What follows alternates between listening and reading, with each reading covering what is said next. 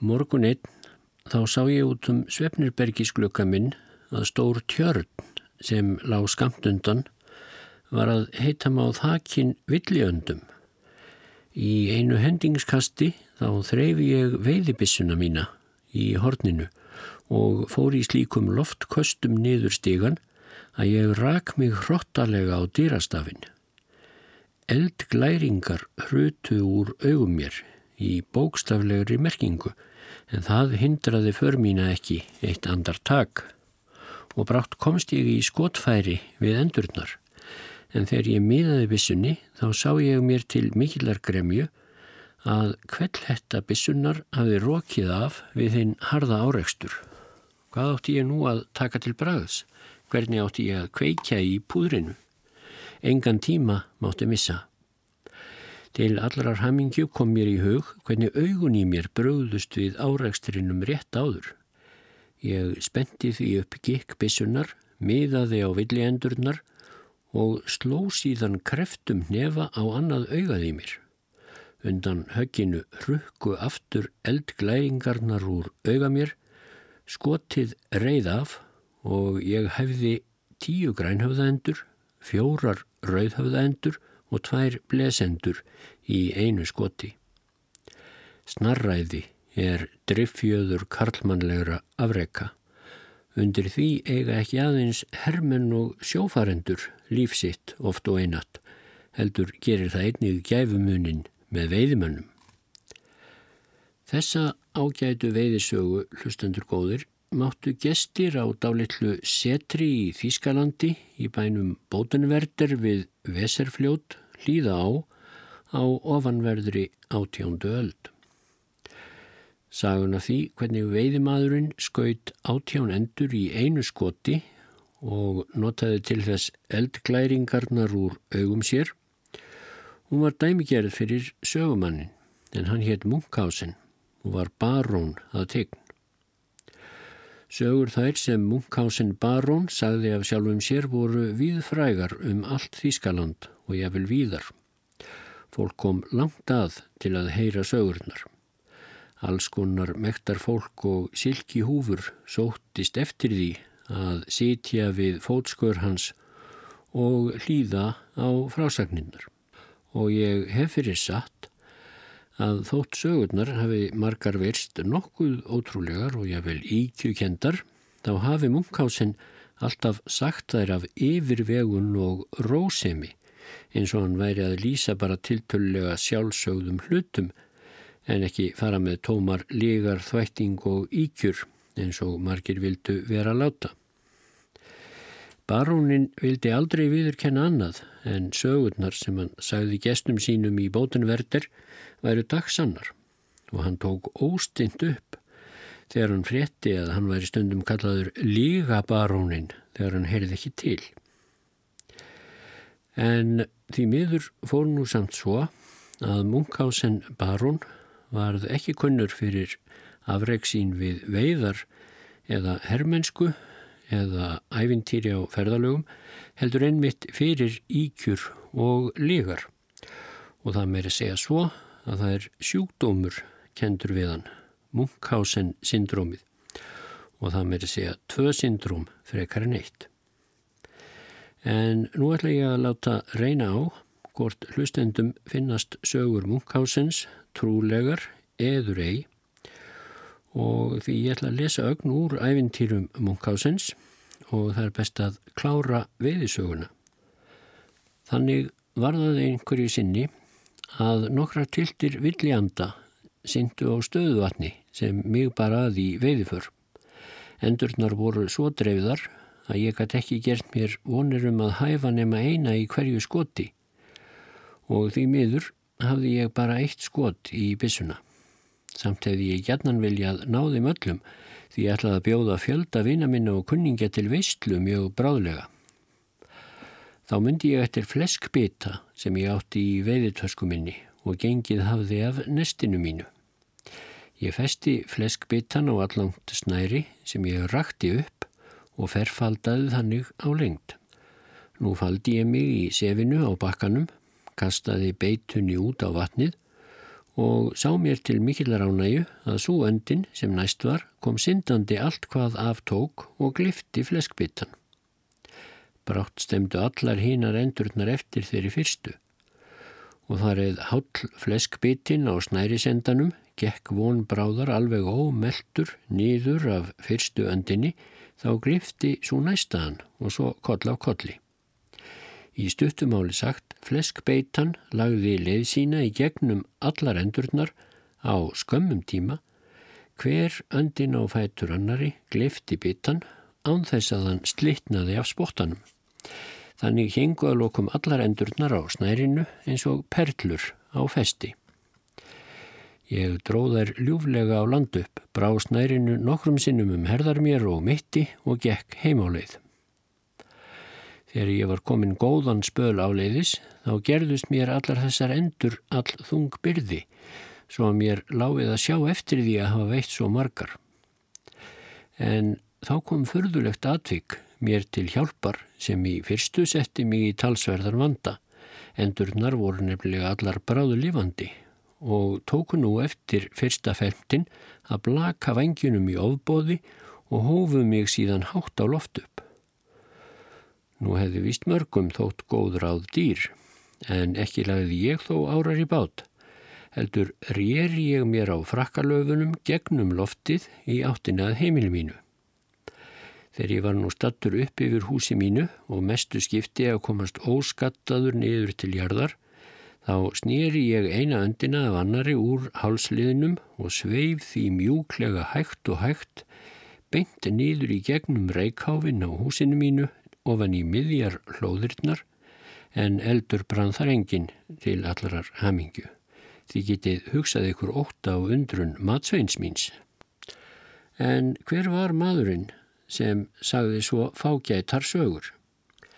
Hieronymus Karl Friedrich Freiherr von Munkhausen fættist 11. mæ 1720. Eftirnafnið er raunar borðið fram Munkhausen en ég ætla að leifa mér að fylgja hér áfram bara þeirri vissulega röngu íslensku hefð að kalla hann einfallega Munkhausen. Í þáttíð skiptist Þískaland upp í ótal smáríki þar sem réðu prinsar eða furstar eða kongar og í hverju þeirra voru alls konar aðalsættir og þar á meðal var ætt Munkhausens. Hann fættist í fyrsta dæminu Hannover sem var eh, hluti Saxlands inn í miðju Þískalandi norðanverðu. Fyrsta ættin í Hannover var það reyndar konungsætt Bretlands í byrjun átjándu aldar. En hvernig á því stóð skiptir ekki máli hér.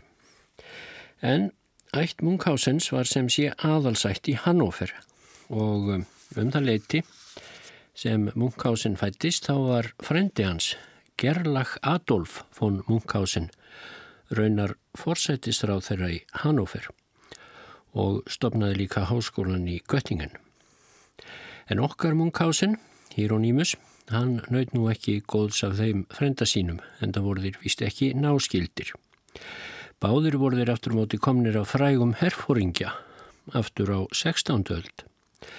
Sá hétt Hilmar von Munkhausen og hafði verið herstjóri í þjónustu Habsborgara meðal annara og tók sem málarliði þátt í ótal styrjöldum bæði á Þýskri grund og svo á Spáni og í Fraklandi.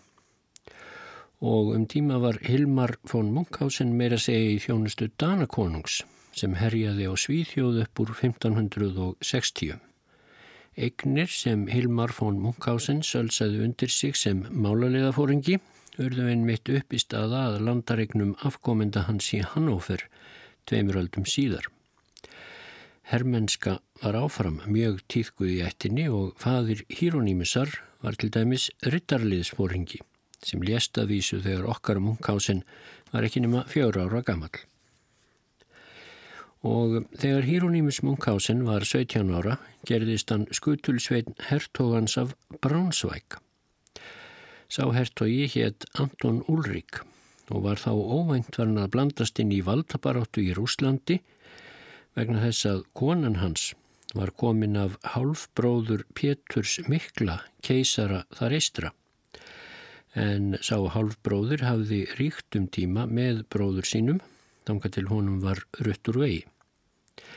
En eftir fráfall Péturs mikla rúsa keisara voru erðamál í rúsneska keisaradæminu í eintómri flækju og kona hertogans af Braunschweig, Elisabeth Katrín, reyndarkvölduð Anna í Rúslandi, hún var um tíma líkleg til ríkiserða en frænga hennar sem einnig hétt hanna réði Rúslandi sem keisarenja 1730 til 40. Munkhausen Barón, hinn ungi, held með Bránsvæk hertoga til Rúslands og gekk þar í rúsneska herin og tók fyrst átt í stríði rúsa og Tyrkja sem stóði nokkur ár 1735 til 9. Þetta stríð snerist um Krímskaga og söður hluta Úkrænu, ótrúlegt nokk. Því rúsneska keisardæmið var þá farið að þjarma yllilega að tarturum sem höfðu búið á krímskaga öldum saman. Tartarar voru afkomendur Mongóla sem höfðu lagt undir sig mest allt Rúsland og Úkrænu á 13. öld. En uh, nú var tarturum farið að nigna en þar sem þeir voru múslimar þá nutuðir stuðnings trúbræðara sinna í ottomanna ríkinu Tyrkneska. Rúsum gekk vel í stríðinu og þeir virtust þess albúnir að leggja krímskaga undir sig en urðu þó að lokum að sætta sig við áframhaldandi yfiráð tartara á skaganum en þeir náðu hins vegar tökum á landinu kringum innhafið Asov þar sem er til dæmisborgin Mariupol. Nefna hvað, hinn ungi barón von Munkhausen Hann tók þátt í stríðinu í hersveitum rúsa, líkt og fjöldi annara þjóðurja. Yfir fóringi rúsa í þessu stríði og einn nánasti ráðgjafi önnu keisarenju var til dæmis hinn þýski Burkhard von Munich.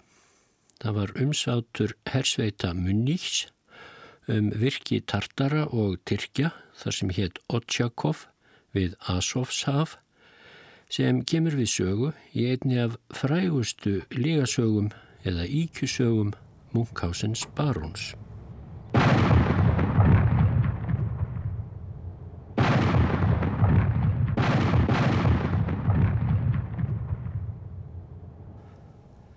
Á þér virðist, segir í eh, frásögn Munkhásens, en ég segi setna frá því hver skrifaði þær Það er flókið mál eins og annað sem lítur að sögum Munkhásens en eins og ég segi að því er virðist þá var herrferðin til Otsjakov meðal annars hafinn í því skyni að endurreisa samt rúsneska hersins.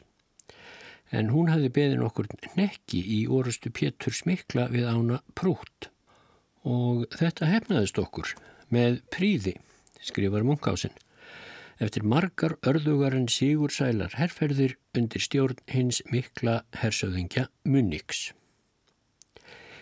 Fyrir hæfirskusakir getur herrmaður aldrei þakkað sér afreiksverk nýja sigra því þau eru almennt þökkuð fóringjunum þrátt fyrir hverstagslega hæfileika þeirra og oft meiri segja konungum og drottningum sem aldrei fundu þó svo mikið sem púðurlikt nema í hæstalagi við liðskönnun, aldrei sáu vígvöll nema á skemmtiför og sá aldrei her tilbúin til allögu nema á hersýningu. Því ger ég enga sérstakka kröfu til sæmdar þeirrar sem við hlutum af viðuregn okkar við Tyrki. Allir gerðum við skildu okkar, en það er á mæli ættjarðarvina, hermanna og annara drengskaparmanna mjög viðtækt orð skilda. Orð sem er að merkingu afar mikilvægt þóttinn mikli skari yðjulöysra stjórnmála skúma hafi sjálfsagt litla hugmyndum það. En þar eða ég hafði flokk rittara undir minni stjórn tókst ég margar njósnaferðir á hendur þar sem ég átti allt undir eigin kænsku og hreisti. Árangurinn þykist ég með réttu meg að telja sjálfu mér til tekna og mínum hraustu félagum sem ég leiti fram til Sigurs. Einu sinni, þegar við vorum að reka Tyrki inn í Otsjakov, áttu framvarðasveitir í mjög hörðum bardugum. Fjörgapin kom mér í mikinn háska þá. Ég held vörð allangt fyrir framann výlínuna og sá fylkingar fjandmannana sækja fram, hulda ríkmekki, svo ég var í algjeri óvissu um tölu óvinnana og sóknar áform þeirra. Auðvitað var mér einnig í lofalagið að hyljast ríkmekki, en bæði var það að mér þótti það heldur auðvirðilegt herrbrað og svo hitt að ég væri þá engur nærum það sem mér hafi verið falið að kanna, fjölda óvinnana. Ég let því sveit mín að dreifa sér á báða fylkingararma og þyrla upp eins miklu ríki og þeir gátu. En sjálfur réðst ég að ofinnunum til að kanna lið þeirra og fyrirætlanir. Mér lánaðist þetta því að þeir veittu að vísu mótspyrnu og vörðust vel en hófu svo skipulagslaust undanhald af óta við hlýðar árásir manna minna. Og nú rann upp réttastundin til að hefja allugu. Við tvístruðum fjandmannunum algjörlega, gerðsigruðum þá, rögtum þá aftur inn í víi sitt og lekum þá verð en við höfðum þórað að vona. Vegna þess hvað hesturinn minn, sem var frá Litáen, var frára á fætti, þá fór svo að ég varð fremstur í eftirreiðinni. Er ég sá að ofinnirnir hertu undan reiðina út um gagstætt líð, áleiti ég réttar að nefna staðar á markaðstorkinu og kanna lið mitt. Ég namn staðar, en hugsið ykkur undrun mína, herrar mínir, er hverki sáust lúður þeittari minn nýja nokkrir ryttara minna. Sækja þeir kannski eftir öðrum leiðum, eða hvað er orðið af þeim, hugsaði ég. Að minni higgju hlutu þeir að vera skamt undan og ná mér fljótlega. Í þeirri von feisti ég að brunninum á torkinu og let lafmóðan hestin drekka. Hesturinn svalg vatnið af óslökkvandi þorsta. En það var ekkert undarlegt. Því hvað haldið að ég hafi séð herrar mínir er ég leit við til að svipast um eftir liði mínu. Allur afturluti auðmingja hestsins hafði verið sníðin af og var horfin. Þannig strimdi vatnið aftur af hestinum, jafnharðan og hann svalgðað án þess að svalunum hið minsta. Mér var það hulin ráðgáta hvernig þetta hefði geta gerst að hesturinn minn hefði verið snittur í tvent. Uns hestasveitn minn kom ríðandi í loftinu og þuldi í einni andrá innilegar hamingjóskir og kjarnmiklar formælingar er hann tjáði mér það sem á eftir fer. Þegar ég hafði rekið flóttan innum hlýðið á þessu virki óvinnana þá hafði fallgrindinni verið hlifti nýður snöglega svo hún sneið aftur hlutan af hesti mínum. Þessi hross helmingur hefði í fyrstu sleið frá sér í sífellu og valdi þannig þeim fjandmönnum sem aftur úr höfðu dreyist og þustu nú aðliðinu gífurlegu tjóni. Svo hafði þessi aftari helmingur hestsins skokkað sígur sæl út í haga og ég myndi sennilega finna hann þar. Ég snýri strax við og fyrri hesthelmingurinn bar mig á harðastökki út í hagan. Mér til mikillar gleði fann ég þar aftari helmingin og mér til enn meiri undrunnar sá ég að hann hafði fundið sér dægrastýttingu sem var svo vel valin að ég vel hugvit samasti visslustjóri hefði ekki getað valið þá skemmtun sem hefði betur höfuðlausu dýri. Í stuttumáli sagt Aftur hluti undrahests míns hafði á fáum augnablikum stopnað til náeina kynna við hrissurnar í haganum sem með blíðu sinni virtust draga blæju glimskunnar yfir allt sem að amaði. Hér var höfuðið gerðsamlega aukaatriði greinilega svo að fólöldin sem áttu síðan tilveru sína að þakka þessari skemmtun þau voru gagslausir vanskapningar því þau skorti allt til jafsvið föðurinn þegar hann gatt þau. Ég hafði nú svo órækar sannanir fyrir því að báðir helmingar hestsins væri á lífi að ég let strax hverja dýralækni okkar á staðin. Hann bráfið skjótt og saumaði bútana saman með lárviðarteiningum sem til náðist það rétt hjá og vitimenn sárið greri að fullu en nú gerðust önnur býst sem óhugsandi voru nema á slíkum afbræðs hesti.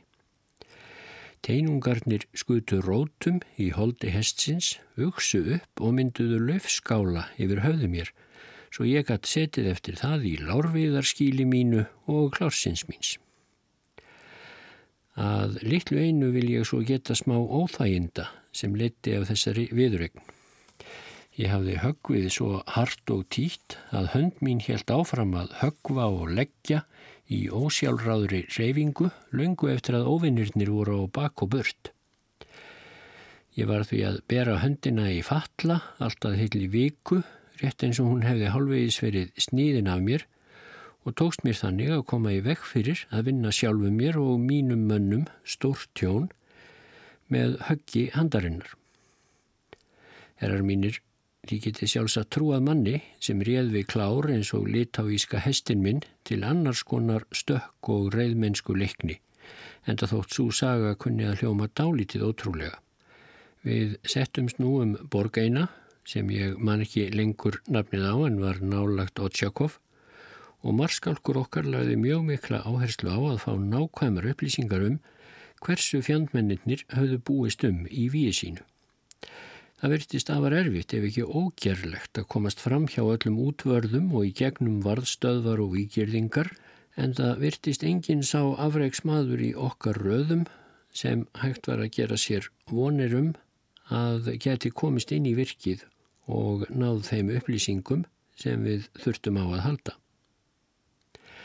En ég, ég átti hugrekki og kapp ef til vill í full ríkum mæli, svo ég tók mér að rókum stöðu við einhverja stæstu fallbissuna sem í sama mund var skotið af á víið og í einu vetfangi brá ég mér upp á sprengikúluna í þeim tilgangi að láta hana flytja mig inn í kastalan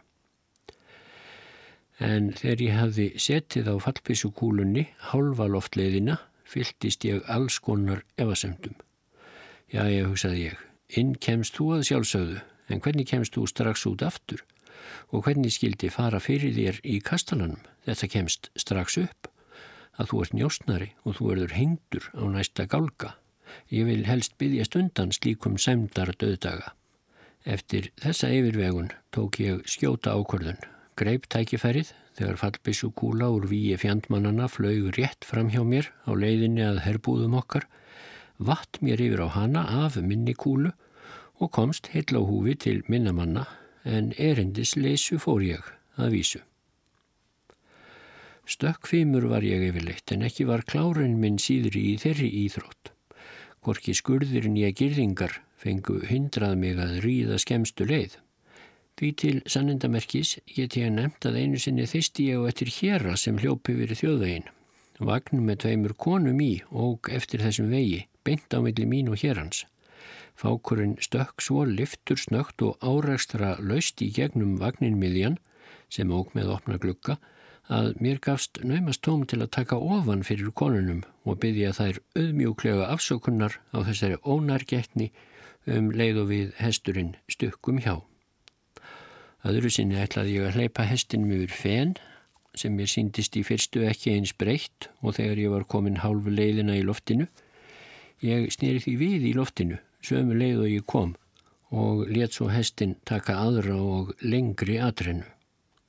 Í þessari setni atrennu stökkan samt of skamt og báðir sökkum við í fenið langt frá hinnum bakkanum og ég upp fyrir axlir. Þannig hefði ég druknað og týnt lífinu ef ég hefði ekki með styrkum armi rykt sjálfum mér á hárinu upp úr feninu á samt hestinum sem ég held föstum á millin hjána.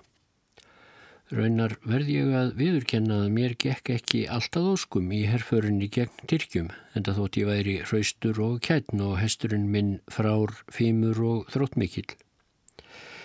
Ég var svo ólánsamur einu sinni að býða læri hlut fyrir ofuröfli liðs svo ég var tekinn fangi af Tyrkjum. Verst var þó að Tyrkir seldu mig mannsali svo sem þeirra er síður. Í þeirri auðmíkingu minni voru dagleg störf mín leiðinleg og kynleg en ekki mjög erfið. Á mornana átti ég að reka bíflugur soldáns út í haga, gæta þeirra þar allan daginn og smala bíflugunum svo að kvöldi heim í búsinn.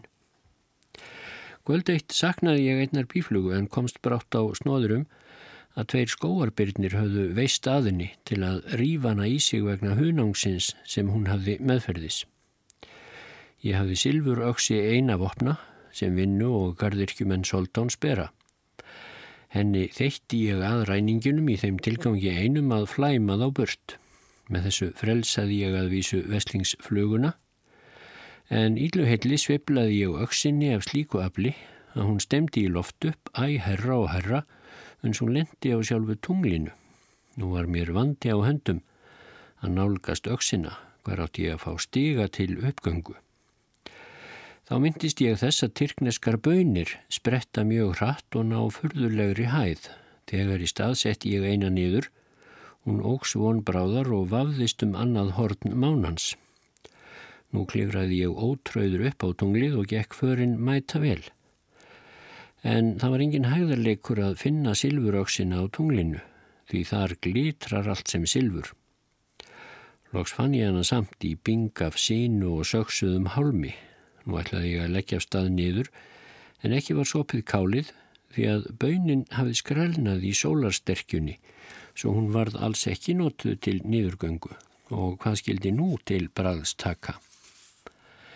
Ég fléttaði mér strax eins langt reypi úr hálminum og hægt var. Svo brá ég öðrum endanum um annað hornið á tunglinu og rendi mér niður eftir reypinu. Ég hjekk þar á hægri hendi en helt auksinni í þeirri vinstri. Og jafn skjótt og ég var komin góðan spöl niður eftir reypinu, hjó ég jafn harðan af því efri hlutan, sem nú kom ekki lengur að notum, skeitti honum aftur við neðri endan og komst hannig vel áleiðis.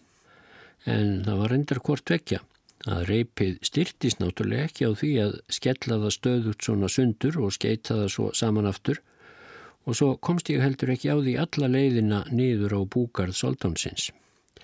Ég hekk vís nokkrar mílur upp í skíunum þegar haldreipið slittnaði og fjall ég þá með svo ofsalegum hraða til jarðar að ég leiði í ómegin. Fall mitt var svo mikið úr þessari hæð að ég sökkað minnstakosti nýju faðma í jörðu niður. Að vísu rangaði ég úr rottinu, seint og um síður, en sá enga leið að komast aftur upp úr þessari grifju sem ég hafi grafið í fallinu. Lóks tók ég það til braðs að grafa mér moldarþrep með nöglunum sem ég hafi þá ekki skorið í 40 ár og slapp þannig heitla húfið upp á yfirborð jarðar. Ég let mér þessa þungur einslu að kenningu verða og einsetti mér að losna við bjarndýrin 2 sem sóttust svo mjög eftir bíflugunum og búum þeirra. Ég smurði stöngina á kornvagninum hunangi og faldi mig eina nóttina skamt þaðan. Allt fór eins og ég hefði gert ráð fyrir, geysi mikill viðbjörn, rann á hunangsliktina, tók að sleikja enda stangarinnar í ákafa og slikti sig svo upp eftir henni, svo stangarendin gekk í gegnum gín, maga og þarma og út um afturendan á bánsa.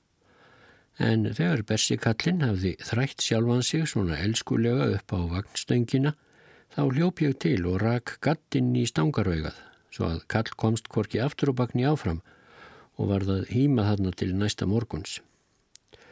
Þegar Tyrkja Soldán, sem varð gengið fram hjá, kom auga á þetta, var hann næri sprungin af hlátri. En nú leið ekki á lengu uns að rússar og tyrkir sömdu frið og ég var því sendur aftur til Petursborgar, höfuðborgar rússa, með öðrum stríðsfengum. Ég sagði þá bráðulega upp herþjónustunni og hvarf frá Rúslandi. Þetta var á tímum stjórnarbyltingarinnar miklu fyrir hérum byl 40 árum. En keisarin sem þá var í vöggu var sendur í útleg til Sýberju á samt móður sinni, föður hennar, hertoganum af Bránsvæk, munník hersöfingja og mörgum fleirum. Um þessar myndir gekk svo harður vetur yfir alla Evrópu að sjálf sólinn fekk frostbólku í andlitið og hefur ekki borðið þess bætur síðan. Þess vegna varð heimförinn mér miklu örðugri en ferð mín til Rúslands á sínum tíma. Ég slóst í för með póstinum því að litáíski hesturinn minn hafði því miður orðið eftir í Tyrklandi.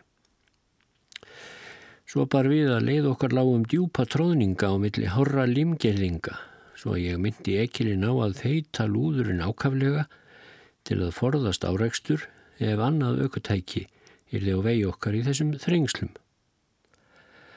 Ökuþórin blés í hornið allt hvað aftók en allt kom fyrir ekki. Hann náði engu hljóði úr lúðrinum. Við botnuðum ekkert í þessu og auk þess kom þetta sér afar ítla því að vonbráðar kom annar vagn akandi á mót okkur en korugur gatt þá vikið og allt satt fast. Ég vatt mér þá út úr vagninum og spenti hestana frá, síðan hófi ég vagnin með öllu sem hann hafði að geima upp á herðar mér og stökk með hann yfir limgerðinguna sem var um það byrj þryggja metra há og út á grundina.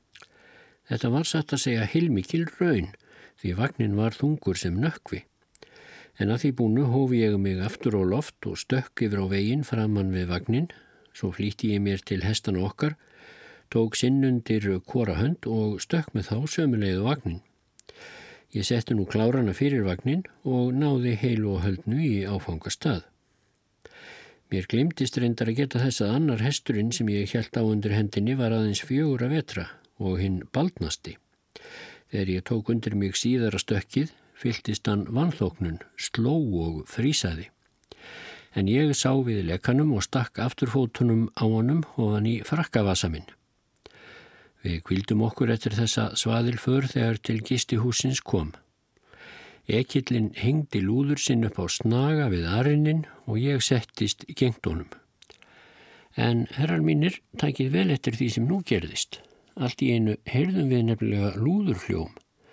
Við rákum upp stóraugu en skildum von bráðar hvers vegna ekillin hafði ekki fengið neitt hljóð úr horninu. Hljómurinn hafði frosið í horninu svo að kallt var en hann hljómaði nú skær og fagur þegar hann þýðnaði við ílinn af eldinum. Ekillin hafði sæmt af þessu því mann tetrið skemmt okkur nú góða stund með eftirlættis lögum okkar án þess að bera hornið að vörum sér. Lóks voru öll lögin þýðinuð úr horninu og það hætti leiksínum og jafnframt er þessi ferðasaga frá Rúslandi á enda. Til eru ferðamenn og þeir ekki allfáir sem fullir það meira en þeir geta staðið við. Síst er því að undra þótt lesendur eða tilherendur séu dálitið tortrygnir en skildu einhverjir af viðstöldum efast um sannleikskildi frásagna minna, þá get ég ekki annað en sár vorkendim og beði þá að hafa sig á brott áður en ég byrja á siglingasögum mínum sem eru enn förðulegri en fyrir frásagnir en alveg jafn sannar. Einu sinni lendi ég til dæmis í miklum lífsháska í miðjarðarhafinu. Það var á sumardegi að ég var að baða mig í glóðvolgum sjó skamt frá Marseille borg. Sá ég þá hvar gríðarstort sæskrýmsli kom bustlandi með galopin kjaftin og stemdi á mig. Hér gafst ekkert tóm til umhugsunar nýja undankomu. Það var löst nýpraði ég mig saman og gerði mig eins lítinn og und var. Í þessari stellingu smög ég inn á milli skoltanna og ófreskjunni og allarleið niður í maga. Þar var ég um hríð í svarta myrkri en fremur þægilegri hlýju, svo sem auðskilið er. Sjálfsagt hefði skrýmslið fegið viljað losna við mig, að því ég hlaut að valdaði magapínu er frálið. Ég hafði nóg sveigrum, svo að ég sparkaði í kringum mig og barðist um á hæl og nakka og let öllum íllum látum. En ekkert virtist falla skefnunni eins ílla og hinn hraði fótabörður minn Þegar ég prófaði skoskan dans, þá öskraði hún óurlega og reys halv upp úr sjónum. Þetta sáu menn af ítölsku köpfari sem sigildi fram hjá og skuttluðu þeir ofreskjuna til bana á fáinum mínútum. Jafn skjóttu hún hafi verið innbyrt, heyrði ég skipverja stinga saman nefjum um það hvernig þeir ætti að skera hana til að fá sem mesta lífur úr henni. Ég skilvita skuld ítölsku svo ég var döðrættur um að ég erði ristur á kveðin með sæskrimslinu. Ég kom mér því fyrir í maganum miðjum eða því sem næst því þar var rúm fyrir meira en tilt manna. Gerði ég ráð fyrir að byrjaðir því að skera bækslinn og sporðin en mér kvarf brátt allur ótti því skipverjar byrjuðu því að rista skefnuna á kveðin. Ég apskjótt og ég sá örlittla glætu kallaði ég út til þeirra eins hátt og röttin lifði að það gletti mig að sjá þá og bað þá að hleypa mér sem skjótast út úr þessu svarthóli þar sem mér lægi við köpnun. Það er óklift að lýsa þeirri afskaplegu undrun sem skein úr sveip skipverja þegar þeir heyrðu mannsrödd innan úr sæskrimslinu og ekki minkaði fyrða þeirra þegar þeir sáu allsnakin manns byggsbóra út úr yðrum þess. Í stöttumáli sagt herrar mínir sagði ég þeim alla söguna eins og ég nú hef sagt ykkur hana og undrun þeirra verður ekki með orðum líst.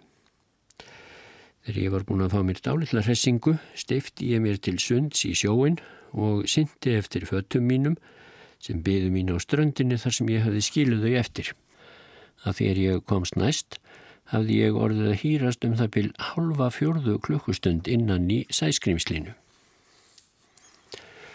Um tíma eftir ég var í Rúslandi var ég á mála hjá Tyrkjum og þá sigildi ég ofti í listisnekju um Marmarahafið en þaðan gefur fegurstu útsýn yfir Miklagarð með Soldánshöllinni.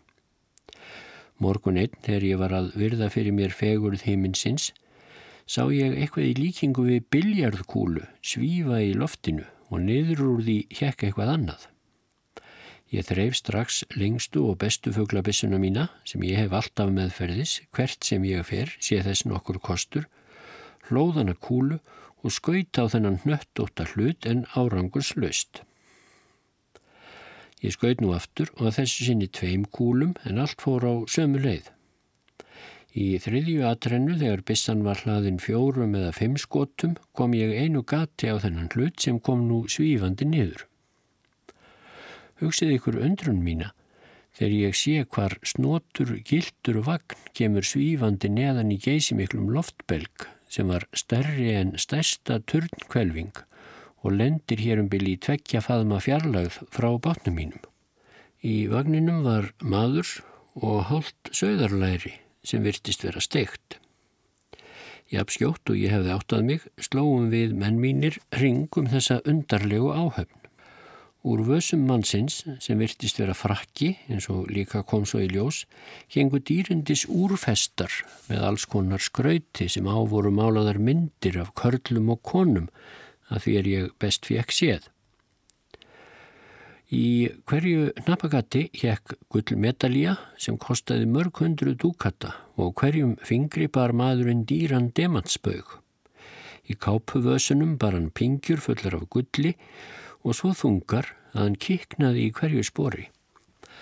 Guðminn góður, hugsaði ég, þessi maður lítur að hafa gert mannkininu einhvern stór greiða úr því valdamenn heimsins hafa fært honum slíkar gjafir sem hér vilist vera um að ræða, fært hon í alkunnan nirvilshátt sem er einkenni voru að daga því miður. En þessum ferðalangi leiði svo ítla eftir fallið að hann kom allir upp nokkur orði. Eftir drikk langa stund að hann náð sér nokkuð og fer frásögn hans hér á eftir.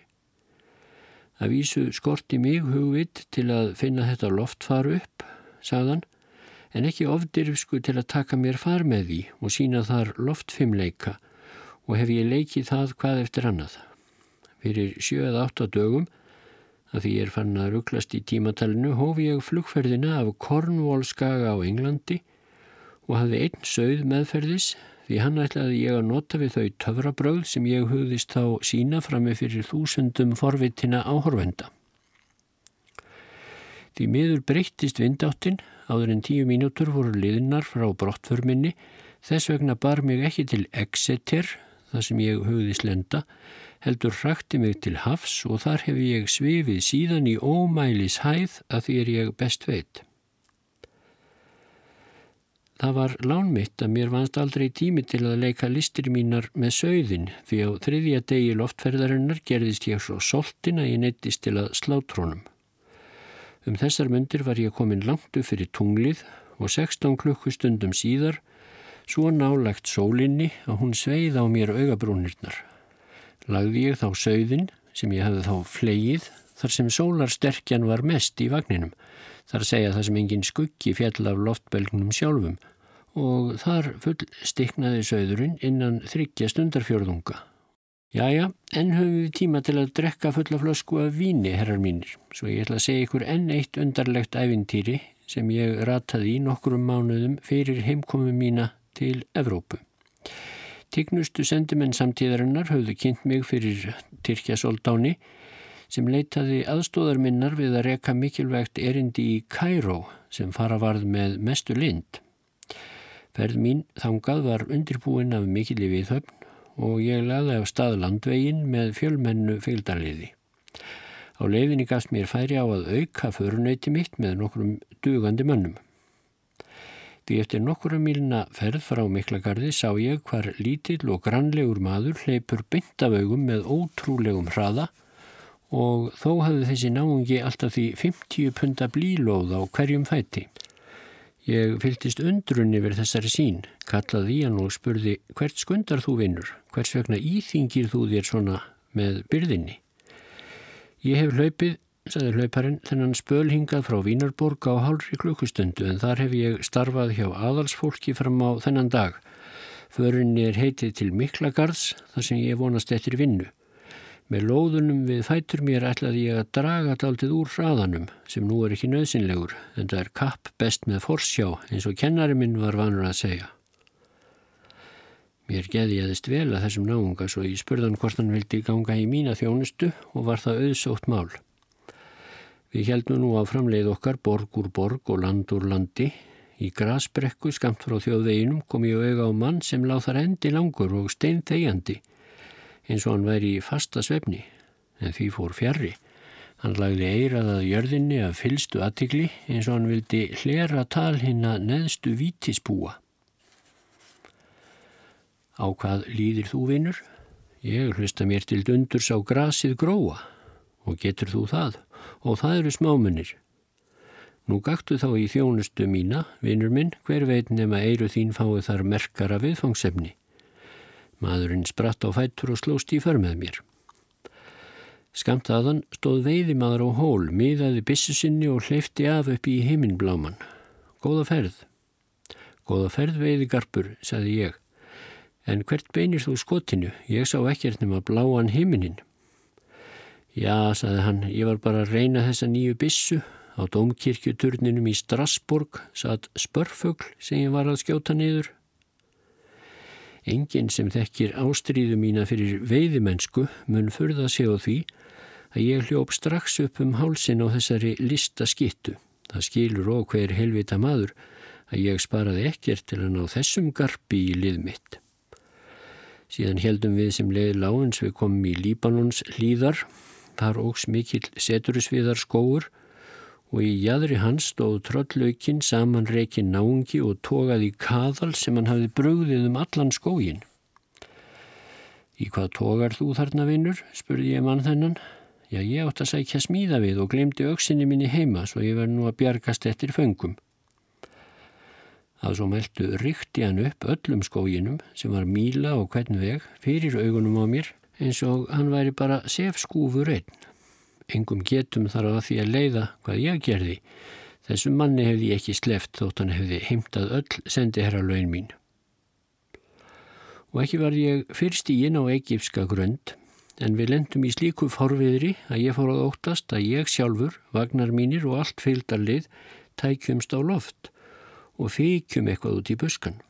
Vinstra megin vegarinn stóðu sjö vindmillur í röð og vangir þeirra snerust hraðar um auksla sína en snælda og rokk.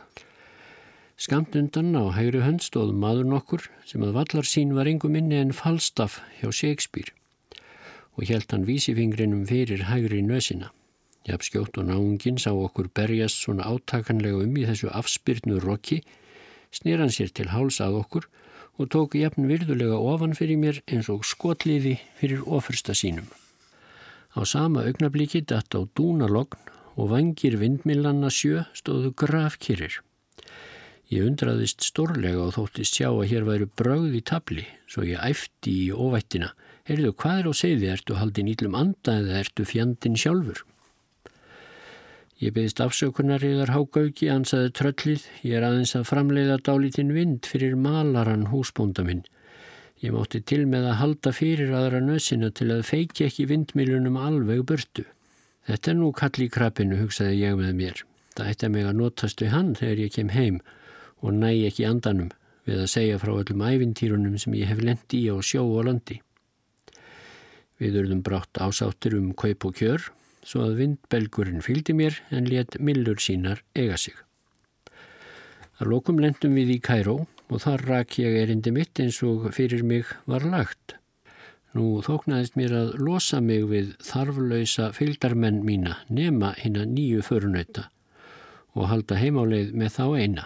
Veðrið var svo dásamlegt og á einn níl hinn heimskunna svo unaðsfögur að ég fjall fyrir þeirri freystingu að leia mér bát og sigla nýður ána allt til Aleksandriju. Ferðin gekk vel fram á þriðja dag. Herrar mínir, því hljótið ofta hafa heyrt minnst á hérna árlegu vatnavexti í Níl. Sem sagt, á þriðja degi hljóp afskaplegur vöxtur í Níl og næsta dag var land allt hulið vatni, svo langt sem augað eigði. Eftir sólsetur á fymta degi flektist báturinn minn í einhverju sem ég held vera vafteinunga eða kjarlim Í byrtingu næsta dags sá ég hins vegar að þetta voru greinar möndlutrjáa með full þroskaður og gómsætar möndlur.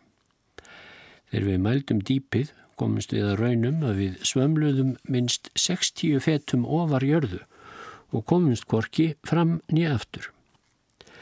Hér um bylg klukkan 8 eða 9 að því að ráðam átti af stöðu sólar skall skindilega á stormur sem slingdi bátnum okkar á hliðina svo hann fylltist vatni og sökk. Leði nú svo langur tími að ég hvorki sá bátinn ég hyrði eins og nú skal greina. Til allarar hamingu björgunumst við bátsverjar allir í greinum trjána sem þóldu okkur en ekki þunga bátsins. Þannig sátum við í þrjár vikur og þrjá daga og nærðumst engöngu á möndlum. Það sjálfsögðu skort okkur ekki drikk en á 20. og öðrum degi óheila stjörnu okkar sjatnaði vatnið jafnört og það hefði rísið og á 27. deginum höfðum við loks aftur fast land undir fótum. Það fyrsta sem glatti augað var reyndar báturinn okkar og lág hann hér um bíl 200 faðma frá staðunum þar sem hann sök. Við þerðum nú nöðsynlegustu klæði okkar í solskinninu, tókum okkur nesti af bátsvistunum og lögðum upp í leita leiðinni sem okkur hafði borið af. Eftir nákvæma útreikninga kom í ljós að okkur hafði hrakið 115 mílur af réttri leið yfir girðingar og alls konar tálmannir. Eftir viku ferð náðum við fljótinu sem streymdi nú aftur í farvegi sínum. Við sögðum landstjóraeinum frá svaðilfur þessari, hann greitti gött okkar á alla lund og hann skauðlóks undir okkur einum báta sinna. Við tókum land í Aleksandríu, hér um byl eftir sex dagar óður og leituðum strax skipsferðar til Miklagarðs. Tyrkjasoldan tók mér forkunar vel og veiti mér þá sæmt að leiða mig í kvennabúr sitt og bjóða mér slíkt af hefðarfrúm og frillum sem ég hafa vildi. En aldrei hef ég lagt í vana minna að raupa af ástaræfintýrum mínum, svo ég býð ykkur öllum góða nótt, herrar mínir.